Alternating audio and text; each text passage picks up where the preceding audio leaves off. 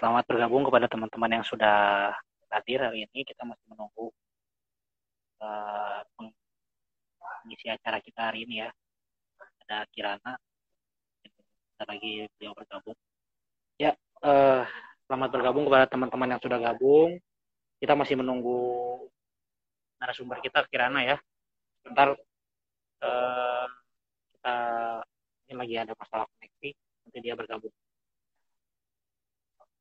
Kita tunggu sebentar ya teman-teman semua. Hari ini kita akan membahas bersama narasumber kita Kirana Sulaiman terkait dengan uh, pentingnya menulis ya. Beliau ini seorang penulis yang sudah menerbitkan cukup banyak buku sebetulnya uh, dan lumayan banyak terjual bukunya. Terakhir beliau menerbitkan buku ini sketsa Gaza dan sangat menarik bukunya juga masih bisa diperoleh teman-teman di toko buku toko buku. Uh, yang teman-teman ada di kotanya masing-masing. Kita tunggu ya Kirana bergabung. Oke Kirana sudah bergabung. Tes? Halo. Halo Kak Kirana. Jelas nggak suara saya? Halo. Uh, kedengeran kak? Oke sip aman kan? Nggak putus-putus kan sinyalnya enggak enggak perlu aman ya? Oke oke sip. Oke sudah ada uh, teman-teman yang bergabung kita mulai aja ya. Bismillahirrahmanirrahim. Assalamualaikum warahmatullahi wabarakatuh. Nah, teman-teman semua terima kasih telah bergabung pada acara bincang santai perdana dari kami Pandu Jabar bersama Kak Kirana Sulaiman. Uh, beliau ini sebetulnya cukup multi talenta ya, banyak sekali sebetulnya. Kalau mau ngasih titel agak panjang nih Kak Kirana nih dari mulai apa? Pertama penulis jelas ya. Uh, yang kedua adalah uh, musisi juga ya, main biola ya. Terus juga aktivis sosial uh, dan macam-macam Uh, dan alhamdulillah nih kita beruntung sekali sekarang uh, Kak Kirana mau sharing-sharing dengan kita terkait dengan uh, mungkin kita mau nanya-nanya dikit nanti sekitar penulisan dan lain sebagainya. Tapi sebelum ke sana uh, saya mulai dari ini deh. Kak Kirana, apa kabar BTW? Sehat ya? alhamdulillah sehat Alhamdulillah gimana Nah, alhamdulillah sehat-sehat. Di rumah nih ya, Kak Kirana ya? Iya di rumah. Oke. lagi santai. Lagi santai ya karena kita ngobrolnya juga bisa santai. Sambil nyantai lah. Oke. Uh, Kak Kirana tuh sekarang kuliah di Unpad uh, jurusan ilmu politik ya? Eh sorry. Ilmu politik. Ilmu politik. Iya benar ilmu politik. Ilmu politik ya. Nah, uh, sebelum masuk lebih dalam boleh cerita dulu mungkin uh, kenapa akhirnya tertarik ilmu politik ya? Awal-awal kan dulu sering nulis dan lain sebagainya tapi kenapa sekarang tertariknya ilmu politik sampai masuk ambil kuliah? Empat itu silakan kak Kirana. Uh, uh, sebenarnya kenapa aku milih ilmu politik itu ada hubungannya sama nulis juga gitu. Okay. uh, jadi emang kan sejak kecil aku nulis terus nih. Okay. terus uh, di itu SMA terus kan harus milih nih harus uh, mau milih jurusan mana. Nah terus habis itu kebetulan waktu SMA itu aku tuh sangat apa ya kayak mendalami ilmu sosial gitu lah jadi kayak aku jatuh cinta sama ilmu sosial mm-hmm. uh, makanya aku masuk IPS atau SMA juga okay. terus um, kenapa aku tertarik ke situ karena aku sering baca baca buku okay. tentang um, tentang ekonomi hmm. tentang uh, apa ya kayak pokoknya permasalahan politik dan sosial di Indonesia gitu terus juga aku pernah um, apa namanya pernah ikut pernah ke Kendeng mungkin kalian tahu mm-hmm. jadi itu ada kasus tentang uh, perebutan lahan. Ya betul. Aku pernah dengar tuh. Sama perusahaan semen. Ah benar ya, ramai dua tahun ya, aku tuh, belum pandemi lah ya ramai ya gitu ya kasusnya ya. Iya, itu itu ramai. Uh, dan waktu itu aku datang, aku datang ke sana ya kak ke kendengnya buat uh, waktu itu sebenarnya uh, tujuannya buat syuting film dokumenter gitu. Itu sebelum kuliah Terus aku ketemu gitu sama petani, petani. Masih SMA itu? Iya, itu sebelum kuliah. Mantep. Terus, terus? Iya, sama, oh, sama.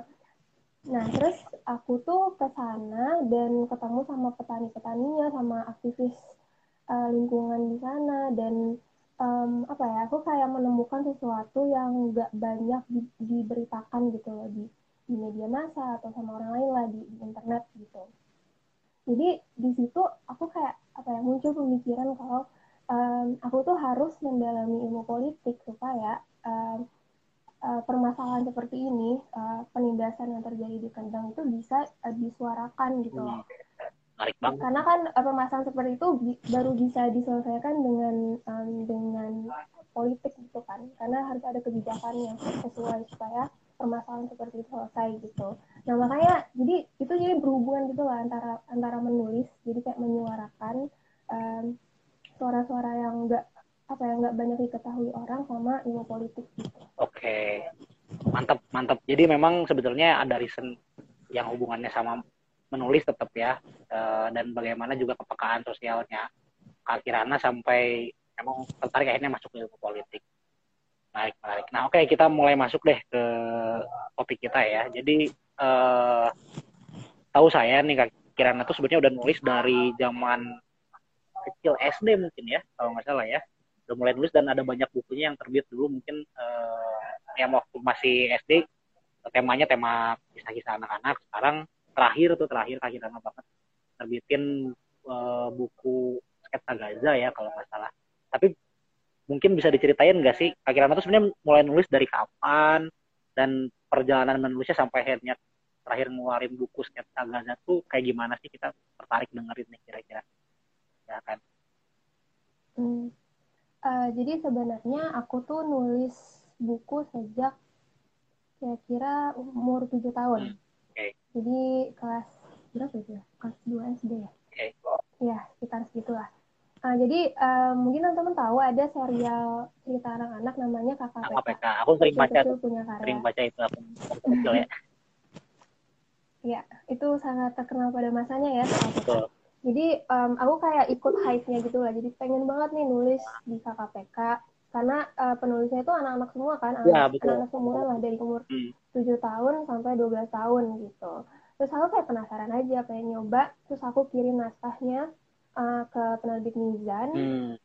uh, waktu itu ceri uh, naskah pertama aku tuh judulnya Two Beautiful Princess jadi itu tentang Putri Duyung yeah. jadi benar cerita anak banget cerita cerita fiksi lah ya eh fantasi gitu fantasi nah terus uh, eh ternyata keterima gitu dan apa ya kayak uh, apa ya bisa ngelihat buku aku ada di toko buku itu kayak rasanya seneng banget hmm. kayak gimana ya susah jelasinnya kayak seneng banget gitu.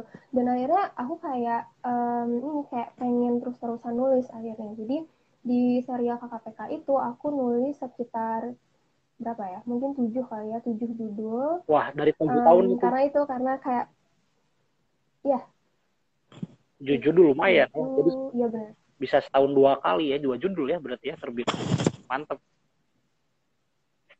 Iya itu lumayan sih. Dan itu aku apa ya karena aku suka jadi itu aku nggak ngerasa terpaksa gitu loh nulisnya. Hmm. jadi uh, dulu tuh aku waktu sejak SD tuh aku malah kayak udah terbiasa begadang gara-gara nyelesain naskah tapi itu gimana? Karena karena udah terlalu terlalu suka sama proses menulis itu gitu loh. Aku suka banget berimajinasi segala macam. Jadi um, akhirnya itu jadi kayak kebiasaan sendiri gitu. Jadi kalau aku nggak nulis sehari aja itu rasanya aneh banget gitu. Hmm.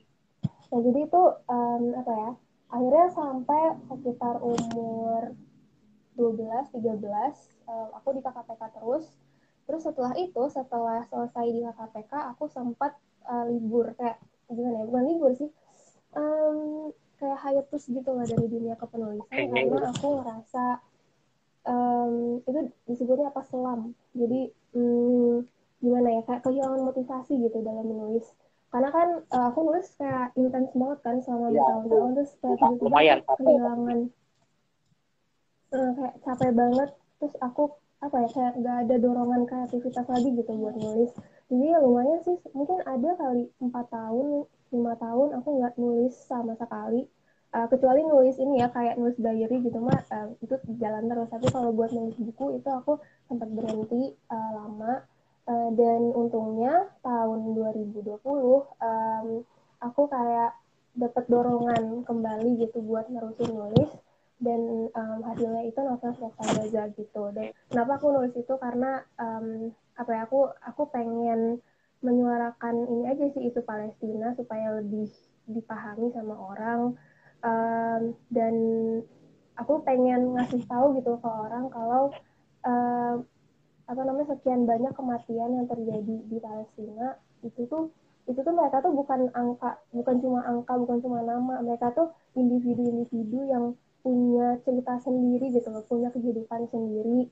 Mereka tuh punya hobi bisa jadi mereka punya hobi yang sama sama kita punya makanan yang sama sama kita punya cerita cinta yang sama gitu ya. Tapi uh, bedanya adalah nasib mereka yang berbeda. Jadi aku pengen meng, apa ya, menghumaniskan gitu ceritanya apa apa yang terjadi di Palestina kepada masyarakat Indonesia gitu. mantap mantap. Jadi kalau tadi kita lihat perjalanannya Kak Kirana juga sebetulnya nggak benar-benar lancar terus gitu ya nulis. Ternyata ada hiatusnya juga nih baru tahun kan jadi waktu dari tujuh tahun itu zaman KKPK itu terbitin tujuh buku ya Kak Kirana ya total ya tujuh buku setelah itu masuk Sketsa Gaza. Jadi delapan buku setelah sekarang sudah terbit saya kira. Atau sebelum eh antara Sketsa Gaza sama KKPK ada satu buku lagi? Um, nggak ada nggak ada. Ada ya? Berarti delapan buku berarti sudah terbit ya sekarang ya? Mantap ya. sebelum kita masuk lebih dalam tadi Sketsa Gaza saya tertarik. Ada rencana lagi nerbitin setelah ini? Buku selanjutnya? Mungkin spoiler spoiler oh ada dong ada ya? Spoiler ya? Arahnya masih ke eh, Gaza atau mungkin sosial atau ada yang baru topik-topiknya? Atau masih dirahasiakan? Um, topiknya udah pasti sosial sih. Okay. uh, kalau misalnya apakah kembali menulis tentang Palestina itu uh, mungkin pikir-pikir dulu ya. Cuman pasti sosial gitu. Oke. Okay semoga lancar ya. Mudah-mudahan uh, Akiana juga bisa lanjut lanjut buku dan ke depannya makin banyak lagi buku yang dan menginspirasi teman-teman terutama memang tadi terkait kata Gaza ini menarik sekali. Nah tadi disinggung di awal Kirana tiap mau terbitin buku tuh awalnya ternyata ada uh, dorongan karena ngebaca dulu karena baca KPK tadi kemudian juga waktu yang kata Gaza juga karena ngebaca bahkan mungkin banyak literatur di situ dan lain sebagainya. Jadi sebenarnya uh, sebelum mulai nulis itu Kirana lebih tertarik dulu untuk baca ya. Memang sepenting apa sih baca itu untuk uh, kita mau nulis itu? Kira-kira menurut Kak Kirana silakan. Um, ya, jadi memang, jadi aku pernah dengar dari siapa ya, kalau kita menulis itu sama kayak kita minum air. Oke. Okay. Jadi kita minum air pakai gelas, itu pasti harus ada yang diisi dulu kan. Harus, gelasnya harus ada yang diisi dulu baru kita juga minum. Nah itu sama kayak menulis kita nggak mungkin bisa mengeluarkan um, apa kalimat-kalimat dan kata-kata tertentu um, sesuai dengan kita kalau kita nggak punya uh, vokat vocab yang cukup dan pengetahuan yang cukup gitu tentang apa yang kita tulis. Jadi kalau misalnya aku nih nulis tentang sakit Gaza kan tentang Palestina. Nah sebelum itu aku research dan itu lama ada ada mungkin setahun aku research okay. tentang Palestina tentang apa sih yang terjadi di sana dan um, karena aku pengen nyeritain tentang apa ya kayak makanan di sana tentang tempat-tempat wisata di sana misalnya nah, jadi aku tuh research tentang itu gitu jadi sebenarnya apa aja sih makanan-makanan yang enak di sana gitu sampai segitunya ya misalnya ya. Uh, suasana iya sampai kayak aku bahkan ngeliat ini ngeliat Google Maps buat oh, bisa okay. ngebayangin jalanan itu di sana kayak gimana Keren. karena itu berhubungan sama alur ceritanya juga gitu jadi kayak jarak antara rumah rumah tokoh aku sampai ke pantai pantai pesisiran Gaza itu sejauh mana. Itu aku kayak nyari tahu. Terus habis itu uh, jarak antara rumah itu sama sama perbatasan uh, Palestina mm-hmm. ke Mesir lah kalau nggak salah. Itu berapa berapa jauh gitu. Um, itu lagi-lagi karena berhubungan sama alur cerita yang aku bikin mm. gitu. Jadi intinya memang um, dan yang kedua tuh tentang ini sih kak tentang vocab tentang ya uh, kosakata. Kata-kata yang biasa digunakan kata juga sama mereka mungkin ya itu ya. Mm iya. Dan selain itu kalau misalnya kita nulis eh, nggak uh, ada hubungannya nih sama bahasa asing bahasa Indonesia aja kita uh, kita kan nggak mungkin menulis sesuatu yang yang indah. Karena kan apa namanya sastra itu kan intinya adalah tulisan yang indah gitu kan. Hmm. Kita nggak mungkin menulis sesuatu yang indah kalau kita nggak punya pembendaharaan kata yang cukup gitu hmm. pembendaharaan kata sastra yang cukup terus juga uh, pengetahuan tentang struktur kalimat itu harusnya seperti apa. Um, nah itu semuanya kita baru bisa tahu kalau kita lebih banyak baca buku gitu. Referensinya itu selalu dari membaca gitu. Jadi memang kadang ya kepengaruh ya kita apa yang kita baca tuh diksi-diksinya ke bawah sampai kita nulis ya itu juga kadang kayak gitu. Betul betul. Nah hmm. kak, uh, kan kita udah tahu kalau baca itu penting untuk kita bisa mulai. Tapi kadang kita udah baca banyak buku nih. Tapi untuk mulai nulis itu inspirasinya suka mentok. Biasanya kalau saya sendiri nih kayak uh, beberapa kali ingin nyoba nulis uh, fiksi dulu waktu zaman zamannya Harry Potter banget tuh zaman dulu tuh. Ya, SMP kayaknya itu terakhir buku tujuh ingin coba bikin fiksi yang mirip-mirip kayak gitu. Uh, baca tujuh jilid buku udah dapet inspirasinya dapet pas nulis eh mentok mentok nah kira-kira sebetulnya dari kaki sendiri uh, tipsnya biar ketika kita nulis itu bisa lancar sampai akhirnya beres jadi satu buku tuh ada nggak sih kiat-kiat khusus? Hmm, Oke, okay. itu sebenarnya ada istilahnya ya, itu namanya writer's block. Okay. Jadi itu sebenarnya apa ya fenomena yang sangat-sangat lumrah terjadi pada setiap orang, hmm. bahkan pada uh, penulis yang udah berpengalaman. Oh gitu ya, penulis gitu. yang udah berpengalaman pun suka ada tadi ya? Iya pasti pasti ada ada momen stucknya gitu loh. Jadi kayak bingung nih harus ke mana ini ya ceritanya. Terus atau misalnya ngerasa, aduh tulisannya jelek banget, nggak mau deh dilanjutin misalnya gitu. Itu kayak itu buat aku sendiri itu terjadi berkali-kali dan makanya kenapa sebenarnya um, aku punya lumayan banyak uh, tabungan naskah yang nggak selesai. Itu itu penting gitu. gitu. Nah, itu makanya itu siapa yang ngomong ya? Stephen King, kalau nggak salah. Jadi intinya kita tuh kalau mau menulis, hmm. um, yang menulis yang bagus, kita tuh harus bisa membuat tulisan-tulisan sampah. Okay. Tulisan sampah itu tulisan yang jelek, kayak tulisan yang nggak selesai, tulisan yang benar-benar nggak jelas aja, pokoknya jelek aja gitu. Tapi justru dengan kita menulis tulisan-tulisan yang jelas itu, kita bisa belajar gitu. Um, sebenarnya yang benar itu kayak gimana sih gitu. Jadi uh, jadi itu uh, apa namanya kayak menulis itu makanya kenapa kalau kita ingin misalnya mau mau nerbitin buku nih uh, pada akhirnya memang harus harus apa ya harus tiap hari nulis sesuatu gitu walaupun itu jelek jadi eh, harus uh. diterusin um, kayak gitu jadi uh, dengan itu maka uh, kita pertama bakal belajar um, tentang tentang uh, misalnya gini kita bikin alur cerita terus habis itu ini cerita ini sebenarnya terjadi nih di, di, di apa proses nulis aku di sketsa Gaza jadi waktu itu um, aku nulis terus stuck karena hmm. aku ngerasa alur ceritanya tuh aneh banget okay. kayak nggak masuk akal gitu terus habis itu uh, habis itu uh, justru karena aku aku ngeliat nih ceritanya jelek jadi aku nyari nyari cara supaya alurnya bisa bener gitu jadi itu sebenarnya uh, cara cara supaya tulis naskah kita selesai itu adalah um, menulis ulang, menulis ulang, menulis ulang. Walaupun menulis memang jelek, kita tahu itu itu nggak bagus, tulis aja dulu gitu ya? Iya, tulis aja dulu. Makanya uh, ada kalimat yang terkenal banget, uh, hmm?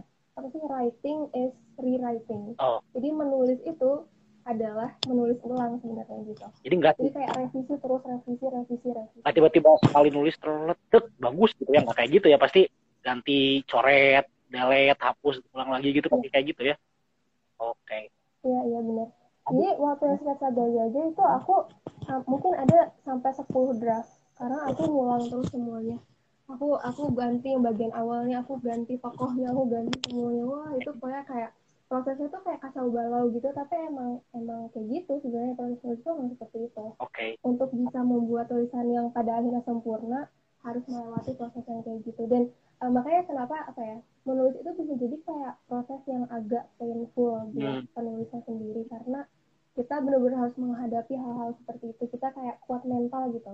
Kayak uh, kuat mental uh, ngelihat tulisan kita jelek banget tapi kayak yaudah tulis harus lanjut okay. lanjut lanjut kayak gitu. Okay. gitu sih. Tadi kak Kirana dikit tentang setiap hari itu kalau bisa harus ada nulisnya. Kalau kak Kirana sendiri nargetin nggak? Atau mungkin ada kiat-kiat kira-kira yang bagus itu kalau kita ingin nulis sehari itu kita harus nulis berapa kalimat atau berapa paragraf ada nggak? Atau kira sendiri target pribadi gitu ada kayak gitu.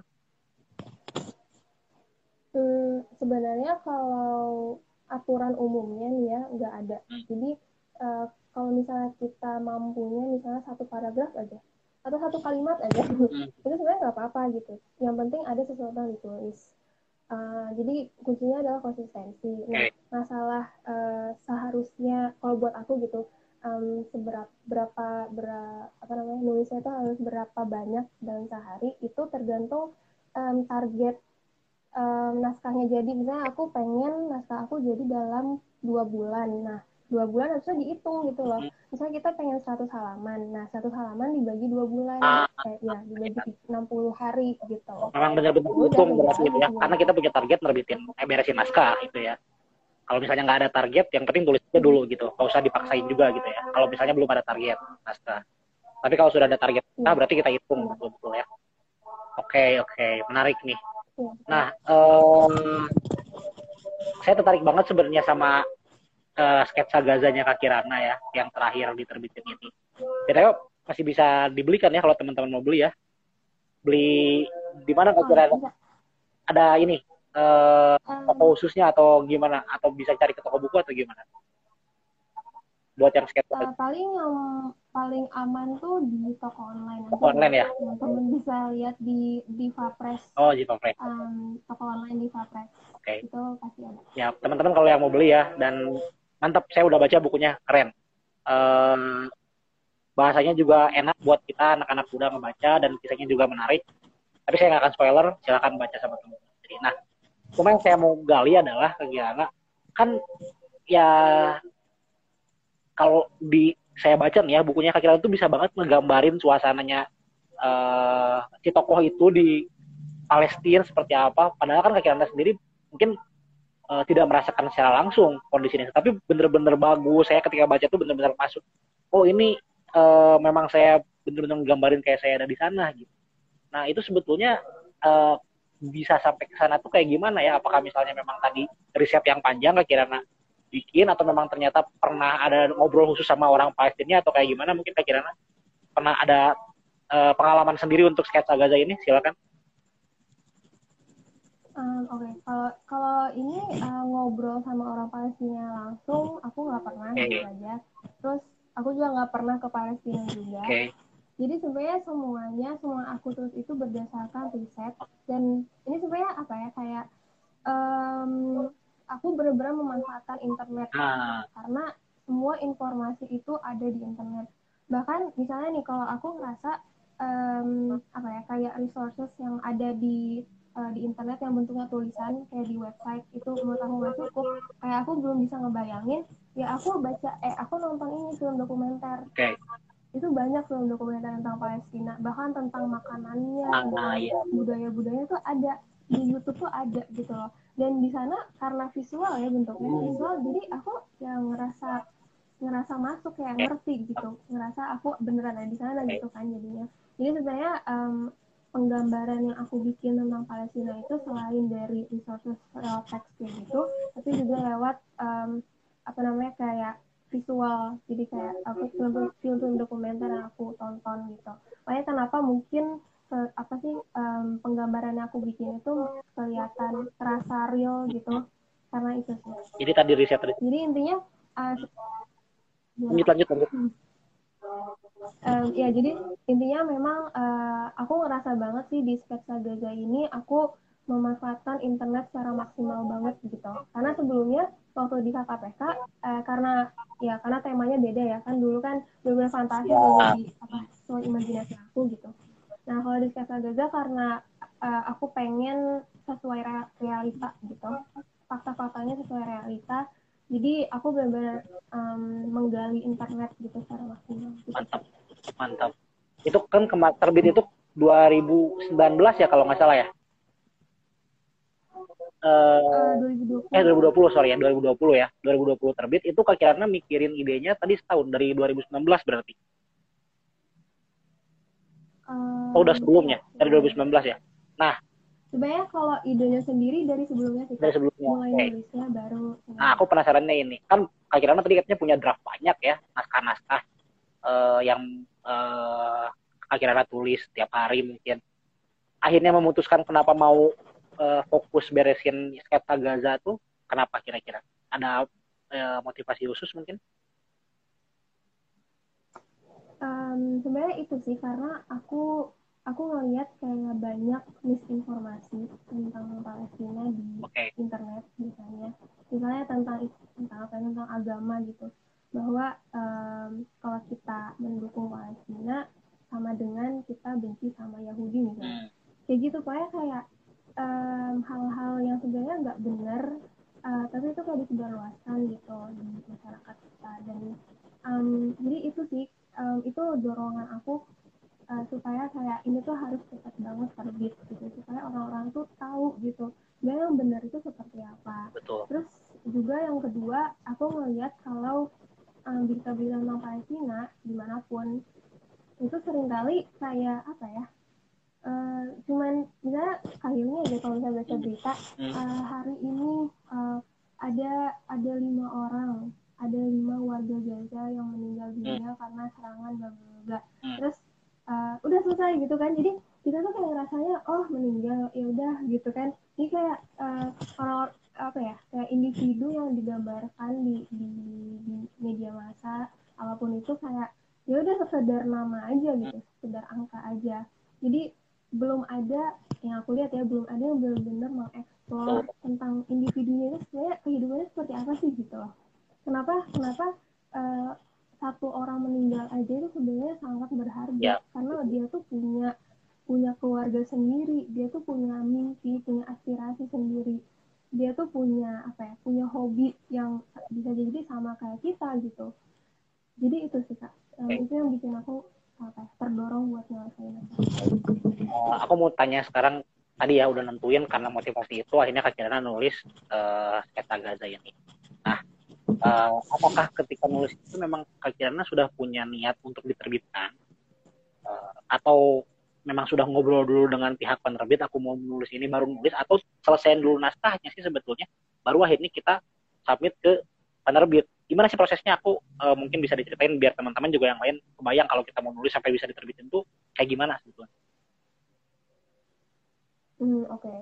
Nah, sebenarnya kalau proses nulis itu uh, buat sketsa Gaza dulu ya, ya itu um, aku nyelesain dulu naskahnya sampai akhir. Jadi dan itu aku belum belum ngobrolin ke siapa pun, aku bahkan belum tahu ini penerbit mana nih yang bisa nerbitin itu aku nggak tahu. Tapi udah niat mau diterbitin ya? Target aku adalah udah niat mau diterbitin deh. Uh, niatnya, iya, hmm.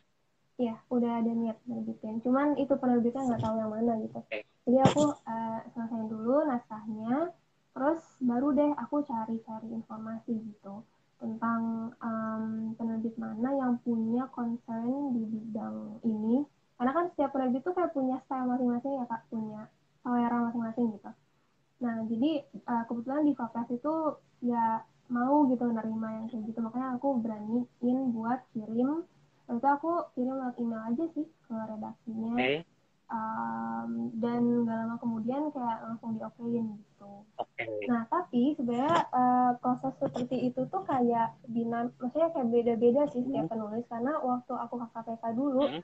Um, aku pernah nulis karena um, pesanan dari penerbit oh. gitu. Jadi aku kayak dimintain, um, Kirana bisa nggak bikin tulisan tentang, bisa apa ya? Kalau saya itu ceritanya tentang traveling gitu, hmm. Iya bener, tentang traveling pokoknya temanya itu traveling uh, terus halamannya sekian sekian sekian terus ya udah aku okein dan ya udah gitu dicek sama dicek dulu sama editornya terus ya udah selesai gitu sih okay. uh, eh, mungkin aku tertarik nge uh, explore yang tadi sketsa Gaza karena kakirannya itu sendiri ya bikin dulu naskahnya baru maju mungkin rata-rata teman-teman di sini juga udah punya gambaran kalau mau nulis buku itu punya ide sendiri kemudian kita kasih ke penerbit. Nah, susah nggak sih kak sebenarnya kita submit ke penerbit itu? Apakah kita harus misalnya uh, di presentasiin dulu ke si penerbitnya, ini kita temanya gini dan lain sebagainya, atau misalnya memang submit submit aja, siapa tahu nanti ada penerbit yang tertarik, atau kita harus tahu latar belakang penerbitnya, dia mau nerbitinnya atau enggak, atau kayak gimana sih sampai akhirnya kita tuh bisa di-approve sama si penerbit itu buat masukin naskah kita. Um, ya, oke. Okay. Sebenarnya apakah susah atau enggak, itu jawabannya tergantung. Jadi semakin semakin besar penerbitnya, uh, mungkin yang yang terkenal sama orang-orang tuh Gramedia gitu ya. Gramedia itu kan perus apa ya perusahaan penerbitan yang sangat sangat ya. besar kan. Dan itu pasti saingannya berat gitu. Nah itu jadi uh, ya pada akhirnya prosesnya bakal lebih rumit dan lebih lama. Uh, dulu aja aku aku di KKPK karena KKPK uh, sangat terkenal ya pada masanya. Jadi uh, saingan aku banyak. Jadi aku nunggu sampai um, naskah aku di apa ada kabar dapat kabar gitu apakah di ACC atau enggak. Itu sampai enam bulan nunggu. Uy, selama itu nunggu. Iya karena ngantri gitu ngantri. Terus juga proses ngecek itu kan nggak bentar. Ya karena kan naskah panjang banget gitu. Um, itu sih. Dan uh, tapi sebenarnya kalau untuk proses submit submit um, naskahnya sendiri rata-rata um, tinggal ngirim aja sih kak. Oh, gitu. tahu aku ya uh, sepanjang pengalaman aku tinggal iya tinggal kirim aja ke emailnya oh. ke emailnya penerbit Terus biasanya penerbit itu punya syarat-syarat tertentu dan itu tergantung penerbitnya gitu. Jadi misalnya dulu kalau di aku di KKPK syaratnya adalah hmm, oh sorry dulu di KKPK itu bahkan nggak boleh pakai email. Dia oh. harus ngirim fisik. Oh fisik surat nah, jadi, di pos uh, gitu ya? Iya di pos gitu. gitu. Tapi kayak se kayaknya sejak pandemi harus Indonesia sih kalau hmm, oke. Okay. uh, jadi biasanya email jadi itu lebih gampang ya kalau kalau online kayak gitu. Nah kalau online kayak gitu ya biasanya um, email aja sih. Okay. email terus uh, yang penting tuh biodata. Biodata. Tuh biodatanya. Dan udah sih uh, setahu aku sesimpel itu sih. perlu ada uraian mungkin yang lama itu adalah seminggu, perlu perlu ada uraian singkat terkait naskahnya nggak? Kita ceritain atau biarin aja naskahnya kirim nanti si penerbitnya baca kalau dia tertarik baru. So, kita perlu jelasin ini tuh tentang ini ini ini ini gitu. Kayak abstraknya atau apanya gitu. Kalau dari pengalamanku enggak sih kak. E, tinggal kirim file naskahnya aja biodata terus udah selesai. Oke. Okay. btw ini ada yang nanya nih kak Kirana nih. Uh, write for Badia. Kirana keren banget love. Oke. Okay. kemudian kak mau tanya katanya ada channel buat nerbitin tulisan enggak Oke, okay. kalau dari Kirana sendiri, ya channel-channel buat nerbitin tulisan mungkin bisa di sharing atau langsung kirim ke terbit aja emailnya atau gimana? Oh, kalau itu sih um, tinggal cari info itunya aja sih, info uh, emailnya penerbit aja. Okay. Biasanya di setiap penerbit itu punya website kan. Hmm. Nah itu cari aja emailnya apa. Terus biasanya uh, baca juga syarat dan ketentuan. Oh ada ya, mereka memang nyantumin um, di sana ya. Ketentuan kalau mau masukin naskah apa gitu. Um, ada ya ada yang ada yang kayak gitu ada juga yang ngebebasin juga sih. Jadi uh, intinya kita harus memastikan lah ini tuh ada syaratnya enggak gitu. Kalau misalnya ada syaratnya baca syaratnya apa. Baru habis itu kirim. Oke. Okay. uh, eh, terakhir kiranya yang bikin sketsa gas itu Ziva Fresh ya dia ya ininya ya. Si penerbitnya dan emailnya mungkin teman-teman juga bisa cek uh, di websitenya nanti bisa uh, mungkin ketemu dan teman-teman tinggal kirim aja gitu. Oke okay, nah tadi kita proses sampai akhirnya misalnya kita kirim uh, naskah disubmit sama uh, kita diterima sama si penerbit. Nah, apakah setelah itu ada proses misalnya kayak editing, kemudian revisi dan lain sebagainya atau itu tuh sudah fix langsung bisa diterbitin atau gimana kak kira proses setelah itu? Nah, itu nah sebenarnya proses yang lama itu di situ sih. Okay. Editing uh, sebelum penerbitan. Jadi um, kita bahkan nih bahkan penulis yang udah sangat berpengalaman, misalnya kayak di Lestari hmm. atau Relie Hirata kayak gitu, Relie gitu, itu pasti apa ya, apa ya melakukan kesalahan lah dalam penulisan, bisa jadi typo, gitu, jadi struktur kalimat yang nggak benar atau secara cerita misalnya ada yang nggak logis nih di bagian sini, di bagian sini. Nah itu uh, gunanya editor di dalam uh, penerbit Nah, jadi biasanya kalau misalnya uh, naskah kita udah diterima, nah itu kita bakal sering ngobrol sama editor. Oke. Okay. Gitu. Uh, jadi nanti editor yang kayak uh, editor tuh bisa jadi dianya langsung edit. Biasanya kalau typo-typo itu editor yang langsung edit. Tapi ada juga kasus kayak editor yang ngasih tahu ke penulisnya, ini tuh ada bagian sini yang ceritanya kayak agak aneh, bisa nggak? Kalau misalnya diganti ke sini gimana?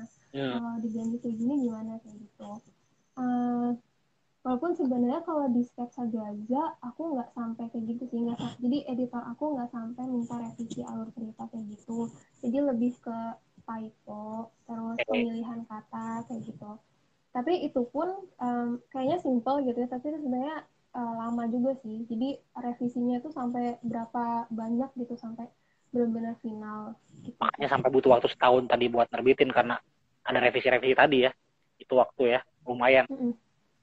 Oke, dan lumayan. ada nggak sih pernah kira-kira pengalaman ketika direvisi atau diminta revisi itu uh, bertolak belakang sama idealisme penulisan Kak Kirana? Misalnya kayak ini nggak bisa nih aku nggak bisa revisi ini atau disuruh masukin pesan-pesan ini enggak aku nggak mau gitu. Ada nggak sampai kayak gitu? Atau ternyata ide itu sangat akomodatif dengan penulis? Betulnya. Um, kalau buat aku pribadi uh, sampai saat ini belum ada yang seperti itu. Jadi uh, editor aku belum ada yang sampai minta revisi ke hal-hal mendasar kayak gitu sih tapi kalau aku baca-baca pengalaman teman lain ada yang kayak gitu jadi um, intinya kayak pemikirannya udah beda aja gitu sama editor. Nah makanya sebenarnya uh, saran-saran yang pernah aku baca ya dari channel lain, nggak tuh harus milih editor sebenarnya. Jadi editor kan ada banyak nih di penerbit. Jadi harus kita kayak ya kenal lah sama editornya, terus um, harus punya satu visi, satu pemikiran gitu. Jadi supaya lebih lancar gitu proses revisi. Oke, okay, jadi tapi um, kalau buat aku pribadi, aku belum ada pengalaman kayak gitu. Sih. Okay, jadi sejauh ini uh, sesuai lah ya yang editor harapkan dengan yang Kak Kirana kerjakan ini nggak ada nggak ada problem yang signifikan lah ya. Tinggal ya revisi-revisi uh, ini aja ya uh, terkait penulisan atau mungkin terkait uh, typo-typo tadi ya. Oke nah tadi ya beres uh, kita submit naskah diterima kemudian ada revisi uh, editor dan lain sebagainya. Setelah beres nih uh, itu berarti ya clear kita langsung diterbitin tuh buku ya atau misalnya ada proses lain lagi setelah itu um, setelah revisi-revisi dan naskahnya final, uh, tahap kedua adalah cover. Oke. Okay. Um, nah, ini cover. Nah, cover itu um, waktu zaman aku ke KPK itu sebenarnya penulis nggak punya kuasa apa pun atas covernya. Jadi okay. kayak ya udah ilustratornya bikin apa ya ya harus diterima gitu. Okay. Nah, tapi kalau yang sketsa Gaza itu penerbitnya ngasih apa kayak minta pendapat dari aku gitu. Jadi hmm. kamu pengen covernya kayak gimana gitu. Terus um, akhirnya aku kayak kasih contoh-contoh cover novel yang aku suka. Terus um, jadi aku bilang ini aku pengen yang stylenya kayak gini. Nah, tapi ilustrasinya aku pengen kalau setiap Gaza aku pengen ada uh, itu apa sih perempuan eh enggak yang ada ada manusia ya, terus pegang kalung kalung gitu kalung uh, bulan di kanan kalung eh apa ya? Lupa lupa ada kalung bulan sama kalung kalung ini uh, desain itu. Terus habis itu uh, kepalanya itu ada tumbuh-tumbuhan kayak gitu gitu jadi aku pengen kayak uh, apa sih kayak um, lukisan yang abstrak gitu. Kayak uh, itu sebenarnya lebih sering dipakai buat tulisan-tulisan yang sastra banget. Hmm. itu uh, kayak gitu gitu tapi itu nggak lama ya proses yang uh, cover itu atau tergantung ilustrator cover itu Hmm, cover itu iya sih tergantung ilustrator, tapi emang cover nggak selama ini ya, nggak selama editing. Oke. Okay. Uh, setelah itu beres, akhirnya dicetak tuh buku. Setelah misalnya beres uh, cover. Setelah beres cover, um, iya, iya langsung dicetak. Oke, okay, bukunya dicetak, kemudian mulai penjualan. Nah, kalau di penjualan okay. sendiri, kira-kira ini kan uh, karena sudah kerjasama antara penulis dan penerbit ya apakah misalnya itu ada aturan-aturan khusus atau akhirnya boleh sebebas-bebasnya misalnya promosiin uh, buku bikin misalnya ada kayak pertemuan-pertemuan khusus webinar ataupun apa pun yang ngebahas tentang buku atau itu semuanya dikelola penerbit atau kayak gimana terkait penjualan? Hmm, oke. Kalau sebenarnya gini oh ya aku lupa sih. Jadi sebelum bukunya terbit itu ada surat kontrak oh, okay. gitu antara penerbit dan penulis. Kontraknya itu dari sisi uh, royaltinya. Ya. jadi penulis tuh dapat berapa persen dalam setiap uh, cetakan itu ada standarnya nggak sih kak? Atau bebas, bebas tergantung penerbit standar royalti itu? Hmm, itu tergantung ter, kayaknya ada standarnya deh antara 6 sampai 10 persen kalau nggak salah. Cuman aku pernah dengar uh, kalau uh, apa sih kalau penulisnya itu namanya besar hmm? itu kayak persenannya lebih tinggi gitu. Tapi itu ya aku pernah dengar kayak gitu. Aja sih lanjut lanjut. uh, waktu di KKPK itu persenannya termasuk rendah sih ya. nah jadi ya paling itu sih. Jadi di di surat kontrak itu ada itu ada tentang pembagian royalti terus um, apa lagi ya? Sebenarnya selain itu enggak sih? Kalau masalah prom promosi itu bebas sebenarnya. Jadi uh, penerbit kalau buat kasus aku penerbit nggak nggak mengelola promosinya kecuali bikin bikin apa sih misalnya kayak postingan IG oh, kayak gitu. Itu okay. ya ada. Tapi itu buat penerbitnya sendiri gitu okay. bukan buat akunya. Okay. kalau buat aku sendiri itu bebas. Oke okay. jadi nggak ada aturan-aturan khusus untuk penjualan seperti apa ya? Tapi penerbit memang dia cetak terus dia uh, jual di mungkin eh, toko-toko buku atau channelnya dia sendiri gitu ya untuk penerbit ya penjualan penjualannya ya. Iya, oke oke. Uh, itu berarti teman-teman semua proses ya uh, dari mulai tadi ide kemudian naskah udah submit penerbit editing sampai akhirnya cover dan percetakan panjang juga. Dan teman-teman mungkin ini bisa uh, sama-sama mendapat informasi tambahan yang bagus tadi dari Kak Kirana terkait dengan uh, proses penerbitan dari mulai uh, penulisan sampai penerbitan. Nah, Kak mungkin karena sudah lumayan juga hampir satu jam nih kita diskusi, kira-kira uh, ada nggak tips buat teman-teman yang baru memulai, kira-kira nulis sampai nanti bukunya bisa uh, dicetak, uh, tips yang uh, dari Kak Kirana nih buat teman-teman semua yang di sini ataupun nanti yang nonton rekaman kira-kira silakan Kak Kirana. Uh, Oke, okay. um, jadi sebenarnya gini kalau kita mau mau mau mulai nulis dan mau serius nulis sebenarnya harus di apa namanya diperhatikan dulu niatnya. Jadi niat nulis itu apa sih sebenarnya? Jadi kalau sejak awal niatnya nggak nggak sesuai atau misalnya niatnya kayak cuma buat seru-seruan aja kayak gitu itu mungkin bakal kurang kuat supaya bikin kita termotivasi terus. Jadi kalau aku sendiri um, niat aku pertama adalah berkarya. Okay. Uh, sebenarnya ini lebih ke hal spiritual gitu sih karena uh, salah satu sifat Tuhan itu kan maha pencipta gitu dan manusia itu kayak harus beru apa ya, berusaha untuk mengikuti sifat Tuhan gitu. Jadi ya manusia itu ya pada akhirnya uh, wajib lah untuk berkarya. Uh. Tapi um, berkarya itu kalau misalnya uh, berkarya itu sebenarnya bentuknya bisa apa aja kan. Uh, um, bisa jadi kita kayak menemukan penemuan saintifik itu juga karya gitu kan atau um, apa ya jadi pengusaha gitu bikin produk-produk itu kan juga berkarya tapi um, apa namanya um, gimana ya menurut aku berkarya dalam bentuk tulisan itu kayak beda karena tulisan itu uh, ini aku ingat quote-nya Pramudia Nandatur hmm. uh, orang boleh pandai orang boleh pandai setinggi langit tapi selama ia tidak menulis ia akan hilang dari sejarah okay. dan uh, menulis adalah bekerja untuk keabadian gitu. Jadi um, aku tuh nulis itu lebih kayak apa ya bertanggung jawab gitu loh. Karena um, aku punya misalnya nih aku punya privilege untuk kuliah dan aku dapat pengetahuan banyak dari tempat kuliah aku. Atau misalnya aku punya pengalaman ke Kendeng gitu aku bisa mengamati secara langsung apa yang terjadi. Dan di saat yang sama aku tuh punya kewajiban gitu loh untuk menyampaikan hal itu ke orang-orang. Jadi supaya pengetahuan itu enggak nggak selesai di aku aja gitu tapi benar-benar tersebar ke yang lain supaya bermanfaat pengetahuannya gitu jadi um, niat tadi makanya ya. uh, kalau misalnya bisa niat pertama itu niat sih terus ketika niat kita udah udah benar uh, kedua adalah um, apa ya konsistensi okay. gitu jadi uh, namanya penulis itu uh, ya sama kayak apa ya kayak atlet gitu ya kalau misalnya kita nggak rajin maka otot kita nggak akan bekerja gitu. Karena apa yang nulis itu sama kayak ini sih kayak melatih otot gitu kan otot pikiran gitu. Semakin kita uh, apa namanya malas-malasan dan jarang nulis malah makin susah gitu loh untuk bisa nulis dengan lancar gitu. Nah makanya kenapa uh, harus ada jadwal banget. Kalau misalnya serius nih nulis mau nulis novel atau cerpen apa pun itu deskripsi misalnya. Nah itu harus ada ada ada target um, misalnya aku pengen nulis minimalnya sehari satu paragraf gitu karena aku bisanya segitu. Okay. Uh, walaupun sedikit satu paragraf tapi harus dijalankan tiap hari dan pada akhirnya bakal selesai gitu. Terus yang ketiga mungkin apa ya um, bisa menerima eh gini uh, bisa menerima kekurangan dan belajar. Um, karena itu yang aku bilang uh, writing is rewriting. Menulis itu pada akhirnya adalah revisi, revisi, revisi. Jadi kalau misalnya kita ngerasa tulisan kita jelek banget, itu tuh hal yang lumrah gitu. Jadi kita harus menerima itu.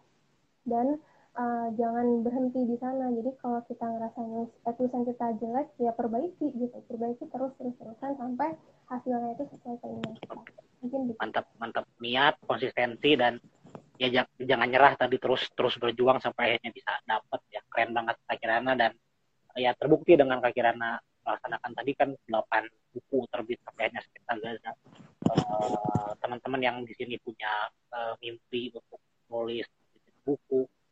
Dan tadi ya uh, tulisan itu kita akan dikenang uh, bahkan sepanjang zaman mungkin karena banyak sekali uh, orang-orang terkenal karena buku-buku tulisannya. Dan mudah-mudahan teman-teman kalau punya mimpi itu bisa diwujudkan tadi dengan tipsnya yang disampaikan tadi kalau saya uh, alhamdulillah lah satu buku sudah terbit itu buku skripsi. Kayaknya lumayan lah ya. Buku skripsi ya satu. Yang penting ada buku itu bagus tapi mudah-mudahan kalau ada kesempatan saya bisa nulis dari dulu. Ingin banget nulis satu buku ada. Mudah-mudahan bisa kesampaian. Tapi saya jadi tergugah lagi nih, ingin mulai nulis lagi dengan tadi yang disampaikan tips-tips yang dari Kak Kirana ya.